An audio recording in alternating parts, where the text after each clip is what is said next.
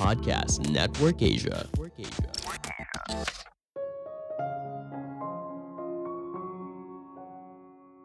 Kapan waktu terbaik untuk merampok bank? Ini pertanyaan unik dan nyeleneh yang coba dijawab menggunakan sudut pandang ekonomi. Halo semuanya, nama saya Michael. Selamat datang di podcast saya, Sikutu Buku. Kali ini saya akan bahas buku When to Rob a Bank karya Stephen D. Levitt dan Stephen J. Dubner. Sebagai informasi, podcast Sekutu Buku sekarang bergabung dengan Podcast Network Asia dan Podmetrics loh. Sebelum kita mulai, buat kalian yang mau support podcast ini agar terus berkarya, caranya gampang banget. Kalian cukup klik follow. Dukungan kalian membantu banget supaya kita bisa rutin posting dan bersama-sama belajar di podcast ini. Buku ini membahas bagaimana menjawab fenomena sosial dari sudut pandang ahli ekonomi. Mereka berusaha menjawab beberapa pertanyaan unik dan nyeleneh. Misalnya seperti ini, kapan waktu terbaik untuk merampok sebuah bank? Kenapa produk yang dijual di tempat berbeda memiliki harga yang berbeda, padahal barangnya tetap sama? Penjelasan dari Steve akan memberikan kita perspektif menarik yang out of the box. Saya merangkumnya menjadi tiga hal penting dari buku ini. Pertama, mencari pola dari sebuah kejadian. Ada sebuah cerita tentang seorang pria yang merampok bank di New Jersey selama enam kali hanya di hari Kamis. Ketika diinterogasi lebih lanjut, ternyata tidak ada alasan spesifik entah karena waktu itu berkaitan dengan operasional bank, penerawangan kalau hari Kamis adalah hari baik, atau sesederhana jadwal itu cocok dengan dirinya. Cerita ini lalu mengingatkan penulis tentang sebuah penggelapan uang tahun 1961. Karyawan bernama Bernice Geiger tertangkap karena menggelapkan uang senilai 2 juta dolar atau setara dengan 28 miliar rupiah selama bertahun-tahun. Dia dilaporkan kelelahan pada saat ditangkap karena tidak pernah mengambil cuti. Ternyata, ini merupakan kunci dari teka-teki penggelapan uangnya. Alasan utama Bernice tidak pernah ambil cuti karena dia punya dua set pembukuan dan tidak ingin karyawan pengganti menemukan penggelapan uang. Menariknya lagi, setelah Bernice keluar dari penjara, dia direkrut untuk menjadi agen pengawasan perbankan dalam menghentikan penggelapan. Kontribusi terbesarnya yaitu mencari karyawan yang gagal mengambil cuti. Pengukuran sederhana ini ternyata memiliki daya prediksi yang kuat dalam menghentikan sebuah penggelapan. Hal ini membuat penulis bertanya, secara statistik, apakah hari Kamis merupakan hari terbaik untuk merampok bank? Mengambil data dari FBI, ada sekitar 5.000 perampokan bank di Amerika Serikat. Hari Jumat menjadi hari yang paling sering diambil perampok untuk melancarkan aksinya. Walaupun begitu, tidak ada korelasi hari apa yang lebih sukses daripada hari lainnya. Data lain yang menarik yaitu kemungkinan perampok untuk ditangkap sekitar 35%. Jadi, ketika ada perampok yang berhasil merampok hingga enam kali baru tertangkap, dia boleh dibilang merupakan perampok yang handal. Setiap tahun, jutaan orang tua baru bersemangat untuk memberikan nama bagi buah hati mereka. Tentu saja, bagi sebagian orang, nama itu ibaratnya sebagai doa dan harapan orang tua. Namun di balik nama tersebut, ada sebuah statistik yang unik. Salah satu pembaca dari Freakonomics bernama M.R. Stewart punya hobi yang unik untuk mengumpulkan clipping berita tentang kejahatan dari koran lokal tempat tinggalnya. Stewart lalu menemukan fakta yang menarik. Mayoritas dari nama tengah terduga kejahatan yaitu Wayne. Penulis lalu teringat seorang pembunuh berantai yang terkenal punya nama tengah yang sama, yaitu John Wayne Gacy. Tentu saja ini merupakan kebetulan yang unik.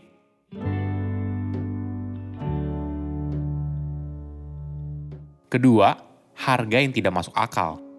Otak kita sering kali mudah tergoda dengan harga Rp99.000 dibandingkan Rp100.000. Ketika berhubungan dengan harga, sisi rasional kita kadang tidak bekerja dengan baik. Seorang dokter di Houston memberitahu penulis kalau apotik menjual harga obat generik yang berbeda di Amerika Serikat, padahal itu adalah produk yang sama. Sebagai gambaran, obat generik Prozac yang membantu mengobati depresi dijual dengan harga berbeda di toko yang berbeda. Misalnya di Walgreens, dijual 117 dolar atau setara dengan 1,6 juta rupiah. Sedangkan di Costco, dijual 12 dolar atau setara dengan 168 ribu rupiah. Perbedaan harga yang signifikan sering kali tidak masuk akal, tergantung di mana kamu membelinya. Mungkin kamu penasaran, kenapa orang rela membeli produk yang sama di tempat yang jauh lebih mahal? Alasan utamanya karena terbiasa. Ketika seorang terbiasa membeli produk di toko tersebut, dia berasumsi maka harga yang sama juga berlaku di tempat lain. Apalagi ini adalah obat generik. Ini yang disebut sebagai diskriminasi harga. Sebuah strategi penjualan di mana pembeli dapat menawarkan harga yang lebih tinggi untuk produk atau jasa yang sama. Praktik ini terjadi karena penjual percaya kalau tipe konsumen yang berbeda dapat diminta untuk membayar lebih mahal atau lebih murah. Kamu pasti juga pernah merasakan hal ini Misalnya sebotol air mineral di minimarket, harganya jauh berbeda ketika kamu pergi ke restoran. Hal ini disebabkan penjual memahami kalau tipe konsumen yang membeli air mineral di minimarket dan ke restoran boleh dibilang punya penilaian yang berbeda saat membeli produk tersebut. Apakah strategi ini buruk? Tidak sepenuhnya juga.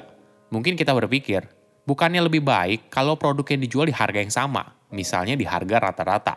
Sayangnya tidak. Bahkan untuk harga yang dipikir merupakan harga rata-rata, belum tentu konsumen dengan sensitivitas harga yang lebih rendah mampu membelinya. Tipe konsumen yang berbeda memiliki karakter dan sensitivitas harga yang berbeda.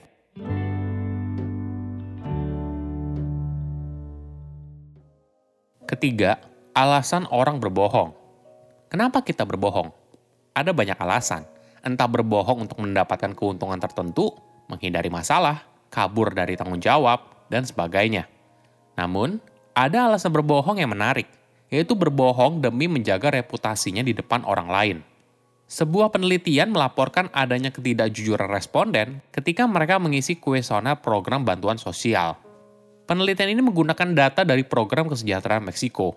Fakta menariknya, pemohon program sering kali berbohong atas harta yang mereka miliki. Mungkin bisa dimaklumi apabila mereka berbohong atas harta seperti mobil, mesin cuci, handphone, dan sebagainya – karena dianggap barang yang cukup mewah karena mereka takut ditolak untuk mengikuti program bantuan sosial. Namun fakta yang menarik, mereka berbohong atas barang yang tidak mereka miliki, misalnya toilet, kompor gas, kulkas, dan sebagainya. Empat dari sepuluh pemohon berbohong kalau mereka punya toilet di rumahnya, padahal tidak. Peneliti mengambil kesimpulan kalau pemohon bantuan itu merasa malu. Mereka sangat peduli soal reputasi mereka di mata orang lain, hingga akhirnya mereka memutuskan untuk berbohong. Walaupun kondisi mereka miskin, mereka tidak ingin mengakui kepada petugas program sosial kalau mereka tidak punya toilet, lantai beton, atau air bersih. Ibaratnya, ini merupakan hal dasar hidup layak yang sayangnya tidak bisa mereka miliki. Ketidakjujuran responden saat diminta untuk mengisi kuesioner membuat data yang dikumpulkan menjadi tidak relevan, sehingga butuh tambahan biaya untuk melakukan verifikasi kebenaran yang sungguhnya. Ada fakta yang menarik. Kenapa begitu banyak orang berbohong soal memoir? Sebagai informasi, memoir adalah tulisan non-fiksi yang berasal dari pengalaman penulisnya. Salah satunya adalah sebuah memoir dari Margaret Seltzer yang berjudul Love and Consequences. Memoir ini bercerita tentang seorang gadis yang merupakan campuran dari kulit putih dan penduduk asli Amerika, tumbuh sebagai anak angkat di dunia pengedar narkoba dan anggota geng. Faktanya, karya tersebut diungkap sebagai rekayasa yang dibuat oleh saudara perempuan Margaret. Sebelum kebohongan yang diungkap, memoir tersebut banyak dipuji berbagai pihak. Kenapa orang memilih untuk menerbitkan sebuah buku sebagai memoir daripada novel? Mungkin alasan utamanya, kita lebih suka dengan kisah nyata dan lebih mudah terhubung secara emosional dibandingkan kisah fiksi. Dari fenomena sosial yang unik, kita jadi belajar untuk berpikir dari sudut pandang yang berbeda. Saya undur diri, jangan lupa follow podcast Sikutu Buku. Bye-bye.